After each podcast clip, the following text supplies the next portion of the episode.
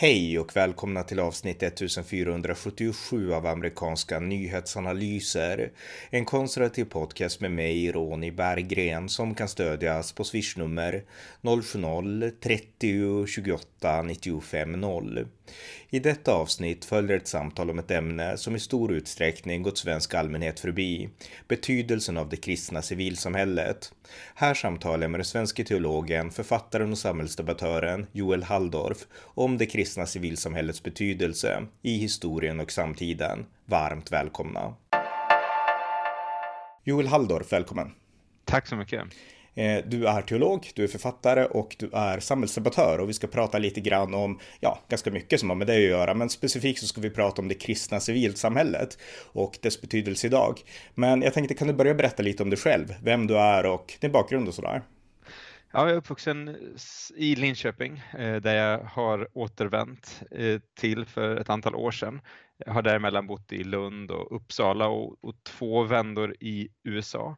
Eh, så att vi har ju det gemensamt du och jag att vi båda har mött, eh, båda har en bakgrund i kyrkan eh, och båda har mött eh, den speciella samhälls, amerikanska samhällsmodellen eh, där, där civilsamhället och kyrkorna inte minst är mycket mer eh, engagerade och en mycket mer självklar del av samhället. och det har nog påverkat mig ganska mycket. Ehm, sen har jag läst teologi och studerat det på universitetet, eh, ganska, började ganska tidigt och är numera professor i kyrkohistoria på en högskola som heter Enskilda högskolan Stockholm eh, och eh, undervisar där och skriver i Expressen och en del andra tidningar också. Så det var i, i korthet något. Mm. Hur kommer det sig det här intresset? Jag menar, teologi är ju inte kanske ett naturligt intresse för de flesta så att... Eh, ja, men det är som, jag tänker ibland att vi, vissa människor läser psykologi och så gör de det för att förstå sig själva. Och, men om man kommer i en kyrklig bakgrund, då är det ämne man ska läsa för att förstå sig själv. Det är teologi. Eh, och jag är ju eh, fjärde generationens pingstvän. Och eh, för mig så var det ett ganska medvetet val att få liksom borra på allvar i de här frågorna och bearbeta min identitet, min uppväxt, mitt arv och sådana saker på ett någon slags sakligt och vetenskapligt sätt. Så, och då, då var teologin den vägen. Och det har varit, ja det är ett, det är ett fantastiskt ämne att studera, det är så väldigt brett, det förstår inte alla, men, men man, man använder ju alla de vetenskapliga metoderna från exegetik, liksom, när, textkritik till religionspsykologi och sociologi och sådär för att förstå det här fenomenet religion och kyrka, religiös identitet och sådana saker. Så det är väldigt bildande. Mm. Eh, första gången jag som uppväxt i pingst också hörde talas om namnet Halldorf, då hade det att göra med din pappa som skrev väldigt ja. många böcker om kyrkofäderna och sådär. Och eh, jag minns att jag läste några av dem, jag tyckte de var väldigt bra. Har han påverkat alltså lite grann intresset för teologi och så? Ja, men det får man nog säga, även om det, eh, alltså det har alltid varit ett, ett eh, Eh, det har alltid funnits det pågående samtalet i hemmet där vi har pratat om eh, frågor, liksom bett, läst Bibeln men också kunnat diskutera teologi eh, och olika, liksom jag kunde, om jag kom med en fråga hemma, så här, varför tänker vi så här eller vad beror det här på eller varför står det så här? Eh, då så var det då var det inledningen på ett samtal om något kyrkomöte eller någon teolog, teolog eller något sånt där. Så man, det var väldigt mycket att man var del av en, en tradition. Så. Eh, och det har jag eh, fått med mig väldigt mycket. Mm. Så det, det, var liksom i vattnet som, man, som jag simmade i helt enkelt och rörde mig. Mm. Eh, vi ska prata lite grann då huvudämnet idag, det är det kristna civilsamhället och dess betydelse. Och mm. varför jag vill prata om det, det beror på att jag anser att det här, det här är en del av det civilsamhälle som jag har sett på nära håll och du har såklart sett det också. Men den breda svenska allmänheten kan ju ingenting egentligen om det här kristna mm. civilsamhället. Mm. Och eh, jag tänkte att därför så måste vi prata om det här, därför att det ja. var häromdagen eller någon vecka sedan nu så kom det en ledartext i Bulletin, den här tidningen, där Per Gudmundsson var väldigt kritisk mot Klara kyrka eller Sankt Klara kyrkas arbete där där för att hjälpa hemlösa och utsatta människor. Och det här är ju ett jättekänt liksom, arbete som Karl-Erik Stalberg startade upp, han som dog för några månader sedan tror jag, nu eller veckor mm. sedan. Mm. Och eh, han är väldigt känd i frikyrkliga kretsar och sådär. Och eh, det var ganska kritiskt det som Per Gudmundsson skrev mot hans verksamhet. Och du gick ut på Twitter och du sa någonting. Jag tror att Gudmundsson hade skrivit att kyrkan ska inte vara en plats för trasproletariat proletariatet. Utan ja. en plats för, jag vet inte, medelsvensson som vill... exakt, exakt. Och sådär. Ja. ja. Och då gick du emot och sa att kyrkan ska vara en plats för de utslagna. Och jag tyckte mm. att det var otroligt bra. Och eh, bara lite kort, alltså din, liksom, vad var det som fick dig att reagera när du skrev den här tweeten? Nej, men jag tycker att det finns ett sätt inom liksom, eh, en typ av, av borgerlighet också i Sverige att eh, liksom individualisera tron så väldigt mycket. Eh, och man säger, ja, religion är bra, men det är någonting privat, det är någonting man bär inom sig eh, och vi ska inte hålla på och politisera den så som man då tycker att Svenska kyrkan gör, som är alldeles för eh, liksom, vänster som man säger. Och så. Men, och det tycker jag, alltså den här liksom individualistiska tolkningen att tron bara handlar om det inre, det är för mig en, en, en, väldigt snäv tolkning av tron, utan det jag har sett i min uppväxt och i, i eh, USA. Det är inte en kyrka som så här, oavsett om den har lutat höger eller vänster, man, jag använder, om man, oavsett vilken etikett man använder där, så har den varit väldigt aktiv i samhället Eh, och, och, väldigt engagerad och inte minst varit en plats för de utslagna och de trasiga, inte bara de hela och rena. Och jag skrev det att kyrkan ska inte vara ett, ett andligt spa för medelklassen eh, och det tycker jag att det blir i, i, i Gudmundssons vision. Och det, det är både en bristande förståelse för kyrkans väsen men också att man inte heller har ett för, eh, förståelse för eh, civilsamhället utan då är det liksom, det finns stat och det finns individ eh, och staten ska hjälpa individer och om de inte eller så ska individer ta sig i kragen och rycka upp sig. Så. Eh, och det är också en väldigt märklig position tycker jag, särskilt nästan ska jag säga för en liksom, borgerlig skribent. Det är, en så, det, det, är ju, det är ju den, så att säga, den svenska statsindividualismen som Henrik Berggren och Lars Trägård eh, talar så mycket om. Eh, och eh, och där, den tycker jag vi ser idag kommit till vägs ände. Vi står inför en rad problem som är existentiella och sociala och så där vi inser att människor behöver Eh, liksom mindre nätverk eh, och de nätverken behöver stärkas, det civilsamhället och där ingår det kristna civilsamhället. Så, så det, det, det är många saker i mig som den texten av Gudmundsson triggade och som jag, där jag eh, här, har en annan uppfattning helt enkelt. Mm. Men jag tycker det var intressant att texten kom för att han har ju ändå en kort förvisso men en liten bakgrund i Kristdemokraterna. Och mm. de bygger ju inte alls sitt idéer på liksom det Gudmundsson är uttryck för utan då går man tillbaks till liksom påven Urban den trettonde och den här Abraham Kuyper, den här protestanten som också pratade om subsidiaritet och att kyrkans värld ska bevaras och sådär. Mm. Eh, och eh, det här är ju en liksom grundläggande fundamental kristdemokratisk tanke att vi vet vad kyrkan har betytt genom historien och vad kyrkan betyder nu. Och den tanken tanke som har angripits historiskt av socialister som har varit emot det här, men även av liberaler. Men om man tänkte sig då att Per Gudmundsson, han skulle med sin tid i Kristdemokraterna och liksom fatta de här grejerna. Och så mm. gjorde han inte det. Så det var det som förvånade mig mest med den här texten faktiskt. Ja, en liten utvikning som närmar sig liksom skvallrets nivå, men det kan vi kanske kosta oss på i en podd. Det var ju att när det, det, det var ju skälet till att han skrev var ju att det stängdes av försäkringsmässiga skäl så, så stängdes ju det här, det här hemmet. Och några, och då reagerade ju Kristdemokraternas Ebba Busch eh, genom att hyra eh, kyrkan privat och upplåta den för, eh, för uteliggare. Och sen några dagar senare så skriver hennes tidigare medarbetare Per Gudmundsson den texten. Det kan ha varit två helt orelaterade händelser, men det kan också finnas någonting där av en Um, uh, ja, jag vet inte detaljerna kring det där uppbrottet, men jag noterar en, en, en, vad säger man, korrelation. Jag frågar mig också om det fanns en kausalitet, men som sagt, det är lite på mm, spekulativ mm. nivå. Ja. Men i alla fall då, det vi vill prata om då, det är det kristna civilsamhällets betydelse. Och eh, Klara kyrka är ju bara ett exempel. Det är ju väldigt många svenskar som inte känner till vad de har gjort och vad de fortfarande gör då. Men den här kyrkan har betytt oerhört mycket för samhällets mest utsatta. Och en sak som slog mig när jag läste den här artikeln, det var att Gudmundsson tycktes inte ha någon förståelse för det. Alltså han, han känner inte till den här världen, det är helt uppenbart när man läser texten.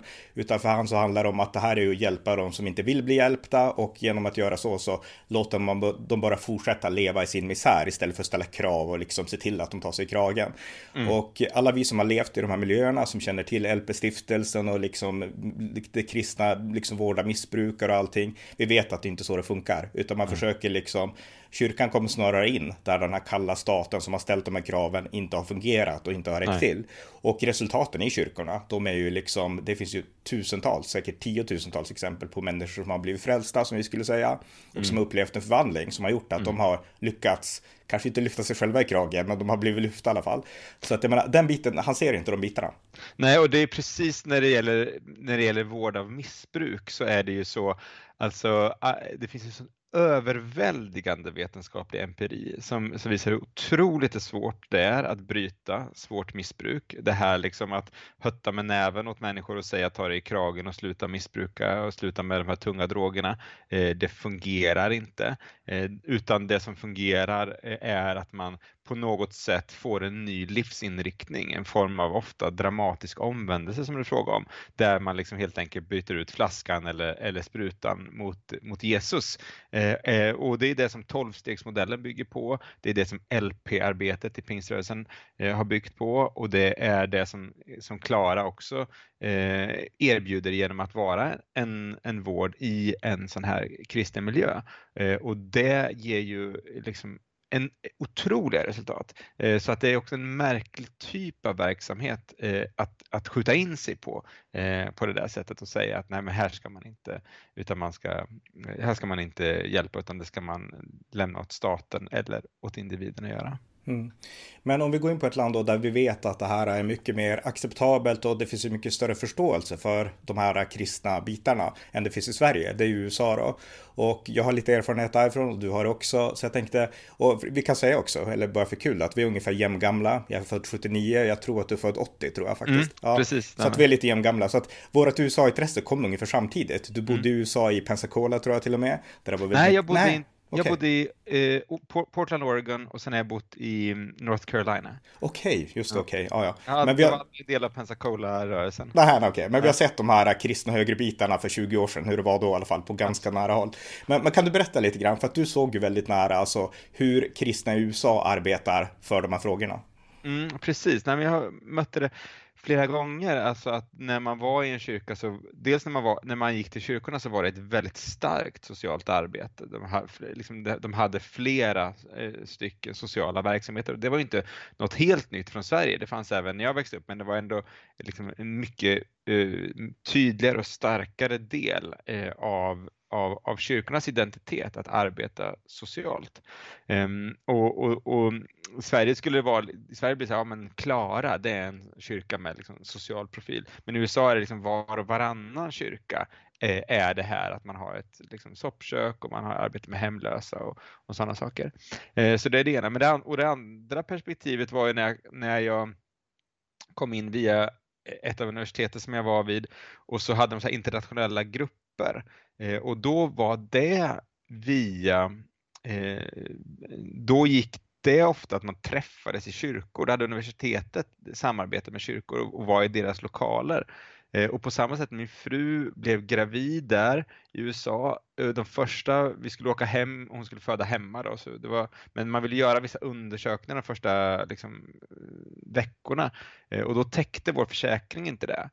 Och då var vi på väg till ett ehm, till ett eh, så här, sjukhus och bara okej, okay, vi får liksom punga upp de här liksom 10-15 tusen. Och då några vänner då som var engagerade var bara stopp, absolut inte, utan det finns en klinik som kyrkorna driver här nere gå dit istället och så fick vi alla, liksom, så fick man liksom, alla de här undersökningarna gjorda. Då.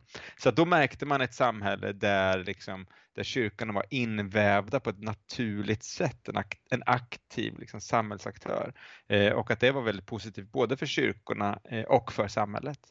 Mm. Men kritiken från Sverige och ett socialistiskt land skulle säga att det där beror ju bara på att de inte har den stat som vi har. Alltså att mm. de fyller den roll som staten borde fylla och de fyller den inte lika bra, skulle kritiken vara.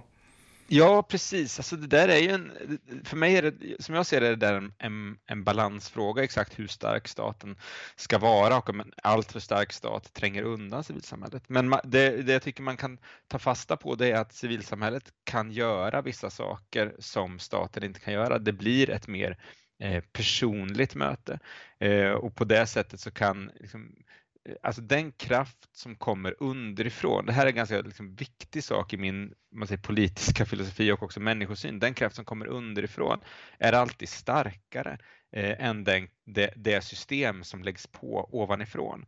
Eh, och det måste alltid i ett samhälle finnas en, en kraft underifrån för liksom, engagemang, eh, liksom människokärlek, solidaritet men också demokrati, bildning och sådana saker. Eh, och om du inte har det, om du inte har den typen av liksom självstyrande kraft eh, som, som genererar så mycket, då så får du ett väldigt kallt och stelt och ineffektivt samhälle. Eh, och det tycker jag är problemet med, med den, den här eh, liksom, idén om att staten ska vara alla goda gåvors givare. Eh, sen kan staten garantera ett mer eller mindre starkt skyddsnät och det kan vara liksom en tydligare så att inte, i USA kan man ju se att människor faller emellan eh, sjukförsäkring och sådana saker. Eh, men, men det kan det, det, det, eh, men, men, i Sverige är det ju motsatt problem och där måste staten, tycker jag, hitta sätt att samverka med och delegera ansvaret till civilsamhället. Så, eh, så tänker jag kring det. Ja.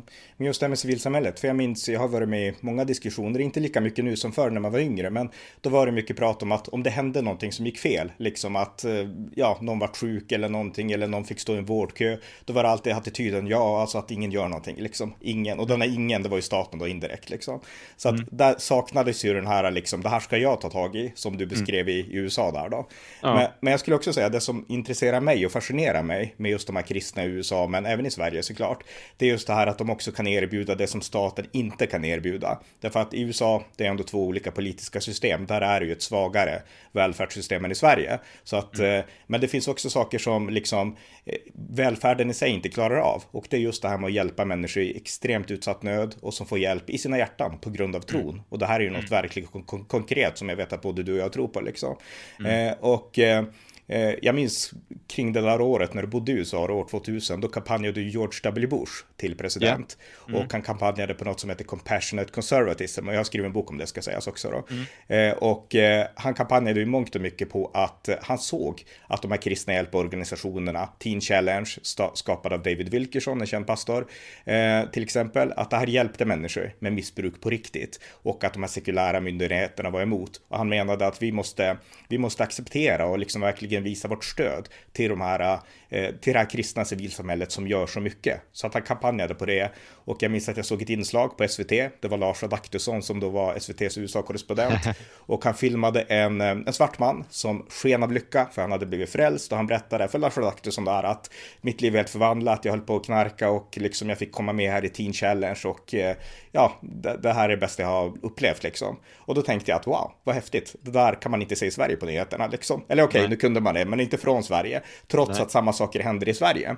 Ja. Och det är just de bitarna som jag tycker är så intressant att sånt där pratar folk helt öppet om i USA, medan i Sverige så är det nästan en mediatystnad. Eh, jag menar, svenskar allmänhet vet inte vad hjälprörelsen är, till exempel. Även om, även om, en sista sak, även om man kanske har börjat veta lite nu med Sebastian Staxet, för det är ett mm. bra exempel på en person som ändå har liksom upplevt det här och som ändå är en relativt offentlig person.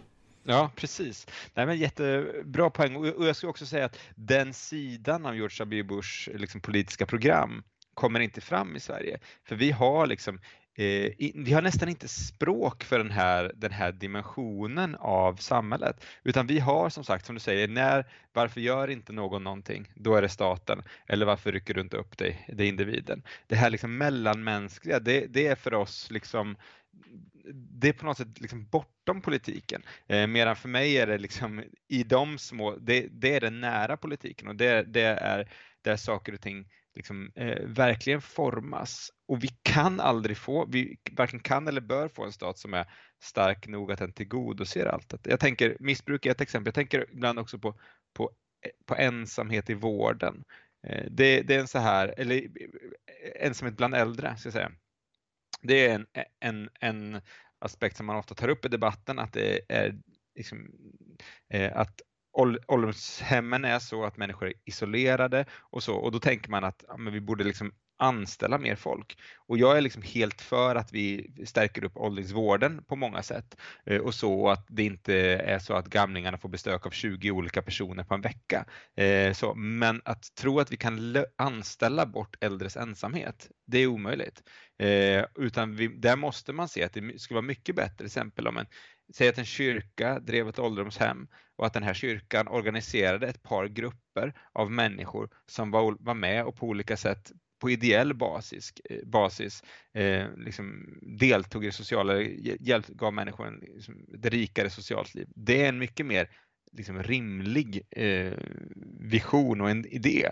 Eh, och det är inte att kapitulera utan det är att bara säga att eh, vi som människor liksom, kommer inte undan. Eh, vi kan aldrig bygga bort att vi har ett visst ansvar för varandra och att möta varandras behov på ett, på ett mellanmänskligt sätt. Vi kan inte bara säga, men höj min skatt lite till då så slipper jag ta ansvar för min nästa. Eh, utan vi måste också liksom på olika sätt gå, gå den milen. Eh, och det är liksom radikaliteten i det kristna budskapet och också den kristna politiken.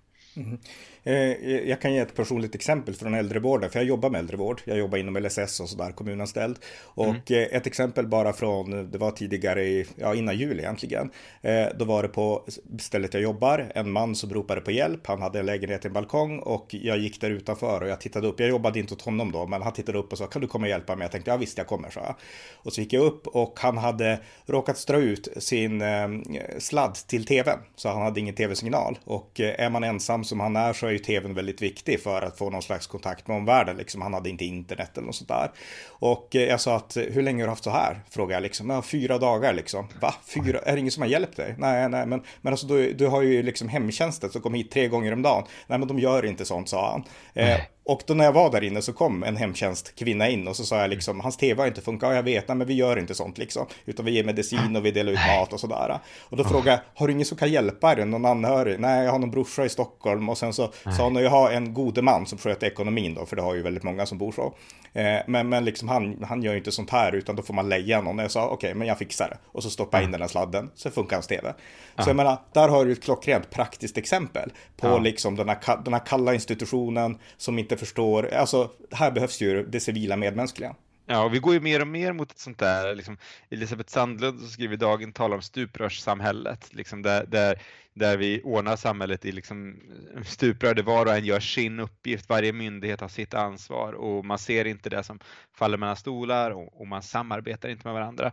Och så, man ser inte till liksom helheten av behov. Och, och New Public Management eh, driver ju också i den riktningen genom att du liksom tajtar upp så väldigt mycket vad en människa, vad en anställd kan och får göra. Och han ska bara gå dit och liksom nästan som en maskin utföra sina uppgifter eh, jämfört med då en mer, liksom, får man säga, en mer organisk syn där man, där man möter människan som person, ser vilka behov det är och, och efter förmåga försöker möta de eh, behoven. Men det, där är det, det institutionella och storskaliga som står mot det mer liksom relationella och småskaliga och det måste vi jag tror att det är en ödesfråga och jag förstår inte varför det här är inte en mer liksom, brinnande politisk fråga. Men jag tror att det har att göra med att vi, vi som sagt, vi har inte vi har inte språk för det. Vi har hela tiden talat om liksom, marknad eller stat, marknad eller stat. Det har varit det politiska samtalet i Sverige. Eh, och vi har inte sett hur mycket vårt samhälle har byggt på fungerande eh, civilsamhälle. För det är vi, folkrörelserna som vi bygger det moderna Sverige, den moderna demokratin, är ju eh, det här typen av civilsamhälle. Och det finns ett citat av Olof Palme där han säger Sverige är en studiecirkeldemokrati. Eh, det vill säga han förstår att den här bild, alltså det demokratiska kommer från en bildning som sker i små kretsar, små cirklar och sådär. Men det här är liksom ingenting man kan bygga system för. Man, man ska så att säga inte göra det. Och då är det här ingenjörsland som vi är så försvinner det helt från horisonten, helt från kartan. Då. Eh, och det tror jag är, en, ja, det är ett jätteproblem. Mm. En annan sak som slog mig med Per Gudmundssons text var också att han, han lade vikt vid en bok, nu har jag glömt namnet, men någon bok om någon person som arbetar i, i Klara kyrka. Då. Och han menade att de här personerna de bränner ut sig och de liksom uppoffrar sig själva totalt och de blir liksom ingenting ungefär. Och, ja, och sen så vill de på något sätt ta statens ansvar och vill de göra så visst, men, men liksom det här kan inte vara sunt. Lite den attityden. Och jag menar, hon är advokaten Rut Nordströms ja. bok, har jag för mig. Mm, stämmer, precis. Ja, ja. Nej, förlåt, fortsätt. Ja, och så det var ju en slutsats. Men jag menar, mina erfarenheter, jag menar, jag växte upp i något pingst, jag såg där nära. Mina föräldrar, jag menar, de har haft barn från alla möjliga länder. Vi hade barn som var liksom, eh, barn till alkoholister som behövde stödfamiljer. Alltså allt sånt här har jag sett på nära håll. Och det var aldrig att man brände ut sig, utan det var ju liksom man gjorde och tron gav balansen att hålla gränsen och sådana här saker. Eh, mm. Så kanske det finns enskilda fall där det är så, det finns det säkert liksom. Men, men alltså, det ger ju en bild som är väldigt, det visar ju liksom att om man tror att det är så här det går till, liksom, då har man ju inte koll på verksamheten. Nej, och jag menar, det är väl idag en större risk att folk far illa av en känsla av meningslöshet och att eh, man inte har kontakter, man inte, man går till jobbet, man drar in lönen, man får lönen, eh, liksom, man, man fredagsmyser och det är lön den 25 och en, en eh, enstaka krogrunda med polarna då och då. Och man känner att vad är, alltså just det här som också vetenskapen visar att vägen till lycka lycka är en känsla av meningsfullhet och det är att göra någonting för andra. Det är, liksom, det är, det är inte ett stort samhällsproblem i Sverige idag att människor bränner ut sig för att de är för engagerade i en liksom social diakonal verksamhet. Det är inte där vi befinner oss.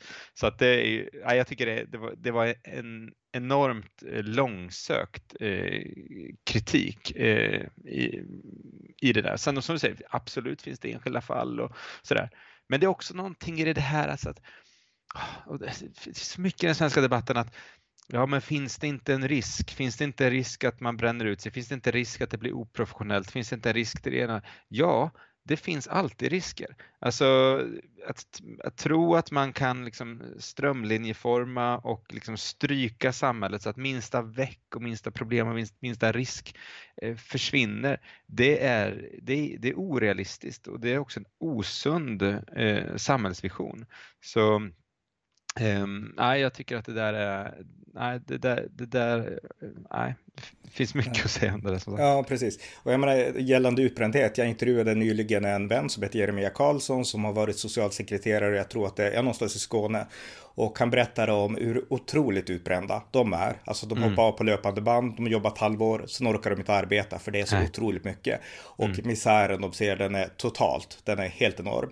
Och ja. han berättade att, eh, att det här liksom, våra system har kollapsat, det här kommer inte hålla och det är ingen okay. politiker som ser det här problemet. Han har skrivit artiklar i Svenska Dagbladet och liknande. Och från början, för några år sedan, då var det väldigt mycket hysch-hysch inom liksom den här kulturen, liksom socialverksamheterna i Sverige, att gå inte ut med det här, berätta inte det här. Men nu har liksom locket lyfts lite grann och det har börjat pratas om det här. Så att jag menar, där har vi en kategori som är helt utbrända. Och de ser också, för jag har ju fått höra här från insidan, att eh, eh de ser ju vad de själva inte kan uppnå. Så att om man har den inställningen, det finns en stat som kan fixa allt. De här vet mer än något vad staten inte kan fixa. Liksom. Mm. Så Nej, men, ja, precis. Du, eh, en, en institution som, eh, alltså, en organisation som tar vara på kraften underifrån, som jobbar med människors kallelsemedvetande eh, och som, som är inbäddat i civilsamhället har mycket större förutsättningar att hantera Eh, många av de otroligt komplexa och svåra sociala problem vi har. Jag tycker att ett utmärkt exempel är Räddningsmissionen i Göteborg som är, som, som är eh, kyrkornas samlade sociala arbete som jobbar väldigt medvetet på det här sättet eh, och, och liksom står i begrepp att starta skola och starta en rad verksamheter just för att de känner att vårt samhälle eh, står inför eh, oerhörda utmaningar, inte minst i de här utanförskapsområdena eh, där, där det finns en väldigt låg studievana bland, bland elever. Det är liksom, eh, absolut kan du stärka, resursmässigt stärka de här skolorna, det finns mycket du kan göra, men, men som sagt, där är det liksom kraften underifrån, om du kan få tag på den. Liksom. Den, är inte till, och det handlar, den är inte till salu på det sättet, men du måste hitta något sätt att liksom eh, tap into that power. Mm. Eh, och då kan du göra en väldig, eh, väldig förändring. Och där är ju intressant, jag tycker jag har ju läst din, din bok om Bush, eh, vad är den heter nu igen? Eh, George W. Bush och det amerikanska presidentvalet år 2000. Ja, precis så, så enkelt var det. Eh, och, och, där visar det väldigt mycket att han, att han ser detta och att detta är en medveten del av hans liksom, eh, politiska vision utifrån hans erfarenheter som guvernör i Texas eh, och även personliga erfarenheter. Han hade ju alkoholproblem eh, och, och tar vidare det eh, in i, i Vita huset och sådär. Och, och, och eh, ja, det är som sagt en sida av den, den politiken som som inte kommer fram så mycket i svenska debatten heller. Mm. Jag tänkte om vi går in på lite grann, du som kan historia och så här, alltså det kristna civilsamhället historiskt, alltså om vi backar lång tid. Vad har det betytt mm. för Sveriges framväxt och för liksom den moderna välfärdsstaten? För jag minns att när jag läste Levi Petrus, den här, alltså pingströrelsens grundare och grundaren av LFB-stiftelsen som vi var inne på, så förklarar mm. han att när han fick kritik för typ 80 år sedan av socialisterna, då, då sa de liksom att kristendomen har ingenting med hjälparbete att göra och han sa att ni kan ju inte historia, därför att tittar mm. man på historien så hjälparbetet i väst är en produkt av kristendomen. Vad har du att säga om det, du som kan allt det här jättebra?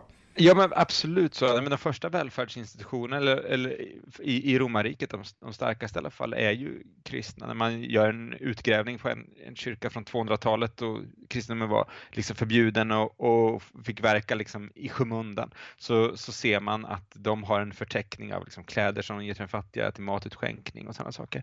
Eh, det är också inom kristendomen som liksom en, en slags sjukhusinstitutioner växer fram redan från 300-talet eh, och som blir liksom hospitalen kyrkan eh, under medeltiden. Så kyrkan är den stora, liksom, eh, den stora bildningsinstitutionen eh, med universiteten och klostren under medeltiden och den stora karitativa verksamheten med fattigvård, sjukvård och sådana saker eh, under medeltiden eh, och, och, har ansvar för det här under liksom hela den, den förmoderna tiden. Och sen så absolut att man inte eh, att det finns saker som brister eh, här och var, men det är liksom i kyrkan som, som det finns. Och när vi, när vi liksom tittar på kulturer där, där kyrkan saknas och sådana saker så ser vi ju inte heller i samma utsträckning, eh, vissa undantag finns ju, de här typerna av institutioner. Och sen så jag tror att när man måste se liksom, eh, liksom moderniseringen av samhället, eh, framväxten av välfärdsstaten, eh, är ju ett sätt att dels hantera den enorma misär som kommer i den industriella revolutionens eh, liksom kölvatten och den kraftiga urbaniseringen, eh, då, då man behöver starkare institutioner i samhället för, för att hantera det. Men också att arbetarrörelsen både inspireras av de många av oss ledande män som kommer ur, ur väckelsen och frikyrkorna och lite mäter sig mot eh, kyrkan. Eh, och säger Jesus var den sanna socialisten, nu ska vi visa hur det, här, hur det här ska göras på ett, på ett modernt sätt då, i ett modernt samhälle och bygger upp det. Eh, så att det, det, det finns en, ett, både ett, ett arv från kyrkan där och en växelverkan hela tiden med kyrkan. Eh, och man kan säga att kyrkorna i Sverige när, när staten börjar ta mer ansvar lägger mycket mer krut på eh, det internationella där man bygger skolor, man bygger sjukhus, man bygger sådana institutioner eh, utomlands i väldigt hög grad. Ja, och det är viktigt också att påpeka att kristendomen specifikt, det finns ju i viss mån inom andra eh, kulturer och sådär också, men kristendom specifikt gör ingen skillnad på personer, utan vi vill hjälpa alla med vård och sådana saker. Men så kollar man på Indien, då har de ändå ett kastsystem, alltså kollar man på andra kulturer Precis. historiskt, går långt tillbaks, då är det visst vård för vissa, men de som är värdelösa, de får ingen hjälp liksom. Och så är det i nästan alla civilisationer utom de kristna. Sen ja. har man ju av historiska skäl även delat upp här, men idéerna om människovärdet har ändå varit ja. en del som har bäddat grunden för det här västerländska tänkandet att det är klart alla ska ha vård. Så jag menar, även en ateist som är liksom inte tror på Gud, han har fortfarande kristna värderingar och en kristen syn på de här frågorna, skulle jag säga. Jag menar, e-, exakt, och det där är en jättebra poäng och, och det där finns ju i, i Jesu budskap i hans ord om, om dessa mina minsta, det ni har gjort för dessa mina minsta, det ni också gjort för mig. Och, och där, alltså det romerska samhället är ju ett extremt klassamhälle eh, där man skiljer på de fria männen som har rättigheter och politiska rättigheter och sådana saker, eh, generalerna och kejsarna som är nästan som gudagestalter och sen kvinnorna, barnen, de funktionshindrade, de fattiga, de, de är liksom, de har inget människovärde, de liksom liknar mer som bo, boskap. Eh, och då säger Jesus pekar ut dem och säger liksom det ni har gjort dess, för dessa mina minsta, det ni också gjort för mig. Det vill säga han identifierar, han identifierar sig själv och, och, och, och, Gud med de minsta i samhället. Och det är en oerhörd radikalitet i det eh, som, man inte, eh, som, som man inte kan vifta bort utan det finns där. Eh, och sen misslyckas kyrkan absolut ofta men det är ändå liksom det speciella är inte att en, en, organisation misslyckas, för det händer hela tiden, eller inte alltid förmår leva upp till sina ideal. Det speciella är att det här idealet är så starkt eh, och det genomsyrar, som du säger, kulturen och det, det, idag är det en, en, självklarhet och vi förstår inte hur, hur radikalt och, och, och, och annorlunda och konstigt på många sätt det är. Nej. Eh, jag tänkte också att vi skulle prata lite politik och det är inte för att vi ska ha någon politisk debatt här, men jag vill bara vara tydlig med att du står ju ganska mycket på vänstersidan skulle jag säga, kanske inte det socialistiska, men lite vänsterliberala och jag står på den ganska tydligt konservativa sidan. Så att vi står ju inte liksom jämlikt politiskt och jag vet att i de här frikyrkokretsarna då är det liksom, ja, ganska många diskussioner om det och så, men, men liksom politiskt så är vi ganska olika. Men vi har gemensam syn på det här och jag tycker att det är viktigt att betona liksom att man kan ha det trots att man har liksom polit olika politiska åsikter. Mm, ja, men det där är intressant. Jag, jag, jag tycker det är svårt att förhålla mig till, till den politiska skalan. För jag, jag, alltså för, för jag är ju eh, jag har inte jättestarka uppfattningar i den ekonomiska politiken.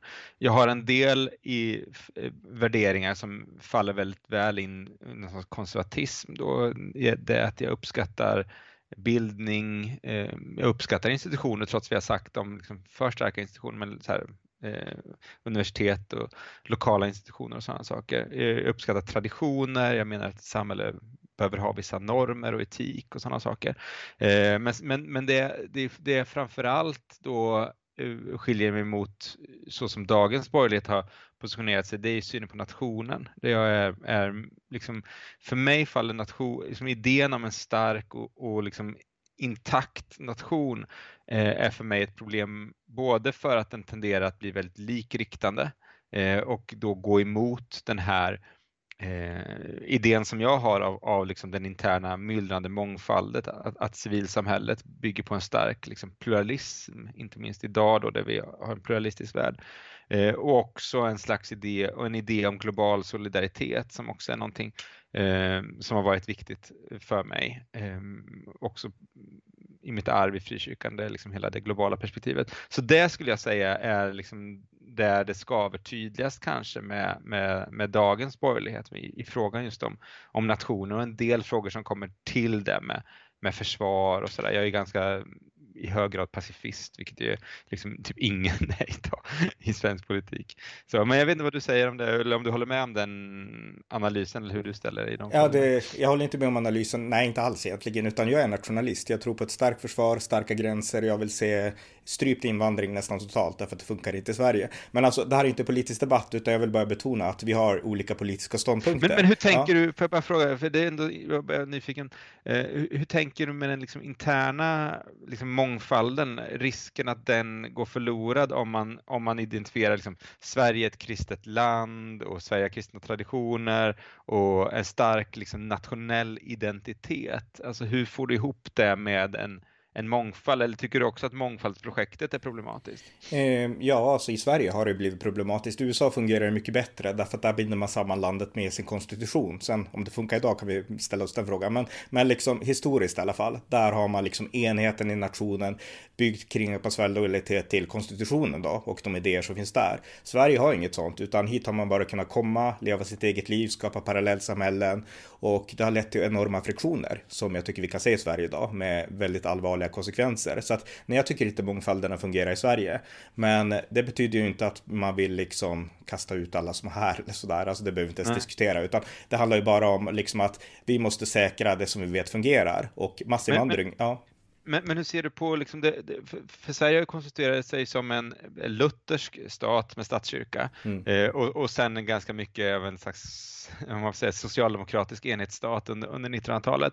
Och jag kan ändå se att liksom, vi har haft väldigt svårt att hysa minoriteter och då menar jag inte bara etniska minoriteter, även om det också har varit ett, eh, ett problem med folk från andra kulturer, utan under hela 1900-talet med liksom, baptister och pingstvänner, mormoner och sådana saker. Eh, och, och, och, och liksom, man kan säkert liksom, diskutera Waldorf och, och, och antroposofer och sådär. Eh, ser du inte att en stark stat och liksom det här skulle kunna vara ett problem eh, ur, ur det perspektivet också?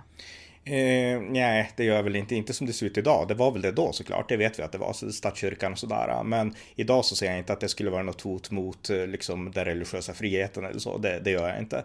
Men, men jag tycker att det här är någonting vi skulle kunna prata om i en annan podd, för det här är ett väldigt ingående och djupt ämne. Det jag vill få fram här i vårt samtal just nu, det är mer att man kan ha väldigt olika åsikter politiskt, men att dela tron och förstå vikten av att liksom det kristna civilsamhället behövs. Och mm. den insikten, jag tycker att det är jättebra att du som ändå, om du säger att du står på motsatt kant från min då. Att du, du har den här synen och det här försvaret och jag, jag länkade till din tweet för jag tyckte att det var otroligt bra. Så att jag vill mm. bara säga att liksom som kristen kan man se på saken olika. Och jag tror mm. att det är ett budskap som svensk kristenhet behöver förstå. För att det finns väldigt mycket splittringar politiskt även inom svensk frikyrkorörelse, inte minst skulle jag säga åtminstone.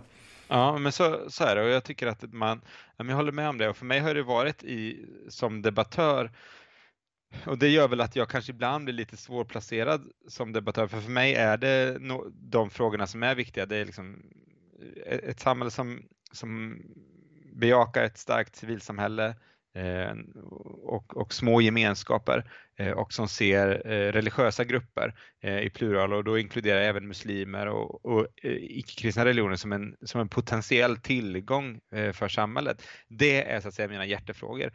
Och när jag ser någon, om, om liksom Nooshi Dagostar säger att det är bra eller om Ulf Kristersson liksom gillar det eller om Miljöpartiet, så här, då är jag då är jag där och säger vad bra, titta på den här, vi liksom, då knyter jag an till det. Så jag har liksom valt lite att fokusera på, på de frågorna för jag tycker att dels, ja men det är liksom, det är det som jag brinner för helt enkelt och som jag tycker är, riktigt viktigt. Mm, jo, men jag förstår det.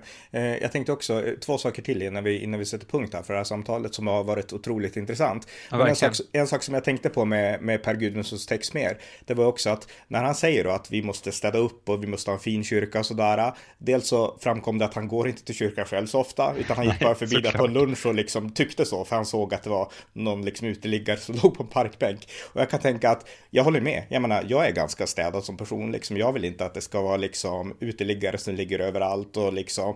Jag är helt för ordning och reda liksom. Men att hitta balansen där, det är det liksom han inte lyckas göra. Och den här gränsdragningen, när ska man liksom låta dem ligga på våra bänkar med sina ölburkar och när ska man inte det? Är det inte upp till kyrkan själv? Alltså om man är en person som förespråkar liksom frihet och så, är det inte upp till den organisationen själv att besluta det? För jag minns min uppväxt i Pingstkyrkan, det hände ju ganska många incidenter och innan jag ringde det så tänkte jag igenom lite grann och då minns jag ett tillfälle när det var några ungdomar som hade kommit in i kyrkan och eh, jag tror att de hade klottrat på eller om de hade rivit sönder en tavla, en sån här stor Jesus-tavla som fanns. Och kyrkan beslöt då eh, att eh, det här ska vi, vi polisanmäler inte här utan vi liksom, vi säger åt dem att ta det lugnt och liksom, ja, och sen så ber vi för dem typ. Mm. Det var väl det som var inställningen. Och eh, man kan tänka olika på det, men det var det beslut de fattade. Och så här i efterhand så tror jag att det var ganska vettigt beslut, liksom balansera beslut. Men ska då någon annan komma in och, nej men nu har det här hänt, nu ska vi ta över, nu ska vi bestämma hur ni ska styra upp det här liksom. Mm. Det är lite den attityden han har tycker jag också. Och jag tycker ja, att det är oerhört, det är inte finkänsligt alls egentligen. Nej, precis. Nej, men jag håller med om det och det finns, alltså, ja, man, man, måste låta, när lokala organisationer sköter saker så, så agerar de utifrån eh, en liksom, personkännedom och en liksom, lokal bedömning utifrån vart de här grabbarna är på väg eller vad den här personen behöver eller så när, och så. Och absolut kan man göra liksom, eh, missbedömningar så, men, men just att komma ifrån i det, alltså där är det inte alltid en standardmall som funkar. Eh, och så. Och det, där kan jag väl tycka att att vi eh, liksom, just Klara kyrkan med sin oerhört långa erfarenhet av ett oerhört framgångsrikt ar arbete, där om någonsin så kan man ha en tillit till ett slags eh, vad ska man säga, att, eh, liksom, eh, förmåga att bedöma de här situationerna på ett, på ett klokt sätt. Eh, och så. Eh, och det, det ja, det, den tillåten borde också Per Gudmundsson ha. Mm.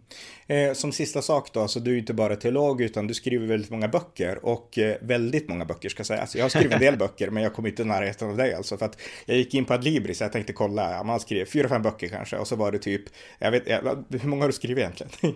eh, oj, eh, som jag är ensam författare författare Jag har gjort en del antologier också. Jag vet faktiskt inte. Det, det, men det blir någonstans mellan fem och tio kanske som jag skrivit eh, själv och sen så en, en, en kanske lika många antologier. Så, så det, jag, har, jag, har, jag har gjort mitt för den här pappersbristen som var i, som var i höstas. Ja, just det. Ja. Och det senaste bok den heter Kvällstidningsteologi 2010 till 2020. Jag har inte läst den, men den handlar i alla fall om populism, från populism till pandemier under rubriken. Alltså, ja. du får gärna berätta lite om den, för det är ju din senaste bok och så. Ja men precis, nej, men det, var, det var ett, eh, nej, jag tittade tillbaka och liksom försökte sammanfatta det här eh, eh decenniet, årtiondet 2010 till 2020. Så att säga. Jag säger att 10-talet var populismens årtionde. Det inleddes med att Sverigedemokraterna kom in i riksdagen. Eh, vi levde med en känsla av katastrofstämning under hela decenniet och det tog sig uttryck på många olika sätt. Liksom klimaträdsla, bränderna, Eh, Brexit, valet av Donald Trump och, och, man bara känner att det går åt skogen där. Eh, och sen kom då 2020 pandemin som på något sätt liksom, liksom, svar på det. Då. Eh, så jag, det är liksom tråden i den boken och, och, och, tesen. Men sen så, och sen så samlar jag då texter som jag själv har skrivit under, under det här eh, decenniet och sätter in dem i ett sammanhang och liksom resonerar eh, liksom kring vad som hände kring när jag skrev och hur, hur det var. För jag är historiker också så för mig var det ett sätt att skriva liksom en slags samtidshistoria. Men jag tror fortfarande det är ett ganska det är ganska bra sammanfattning. Det är svårt att sammanfatta historiskt ett årtionde som precis liksom har hänt, men, men jag tror att det har. Jag tror att det är en sammanfattning som, som står sig rätt bra, inte minst den här känslan av av katastrofstämning och, och att pandemin kommer som ett brev på posten på något sätt. Eh, så, och kanske också vissa staters eh, eh, eh, eh reaktioner på det. Så. Mm, just det. Eh, finns det något, alltså är boken, är det givande att läsa boken nu också? Den kom ut rätt nyligen, men liksom, vad får man ut av läsaren? Som, som... Ja, men jag tror att man får en förståelse för, för, för 10-talet på ett, på ett bra sätt. Eh, och Eh, Eh, så jag hoppas och, och, tror att det är givande. Man får återvända till liksom så här, mm, viktiga händelser, både liksom positiva saker som har varit och också dramatiska händelser. Eh, men om man vill läsa någonting som, som berör mer direkt, eller det finns en hel del om det kristna civilsamhället och så där, men, men annars så, så skriver jag eh, systematiskt, min mest systematiska bearbetning av det är, är en bok som heter Gud och återkomsten. Eh, och den är ganska tunn och, och lättläst och billig, den finns i pocket. Eh, så att om man vill liksom ta upp, då, liksom, följa mina tankar på på den tematiken som vi har pratat om här i podden, eh, då, är, då, då, då är det den man ska kika på. Den, den, den kom 2018 tror jag. Mm. Ja, men med det sagt så tror jag att vi har tömt ut ämnena för idag. Men det finns ju mycket material att prata om i andra poddar. Men tusen tack för att du ville vara med Joel i det här äh, jättespännande samtalet. Så, ja, men stort tack. Tack för inbjudan. Jätte, jättekul att vara med. Det var avsnitt 1477 av amerikanska nyhetsanalyser. En podcast som önskar ge det konservativa perspektiv på tillvaron som inte ges i svensk media. Stöd gärna på swishnummer 070-30 28 95 0 eller via hemsidan på Paypal, Patreon eller bankkonto. Det var allt för idag. Tack för att ni har lyssnat.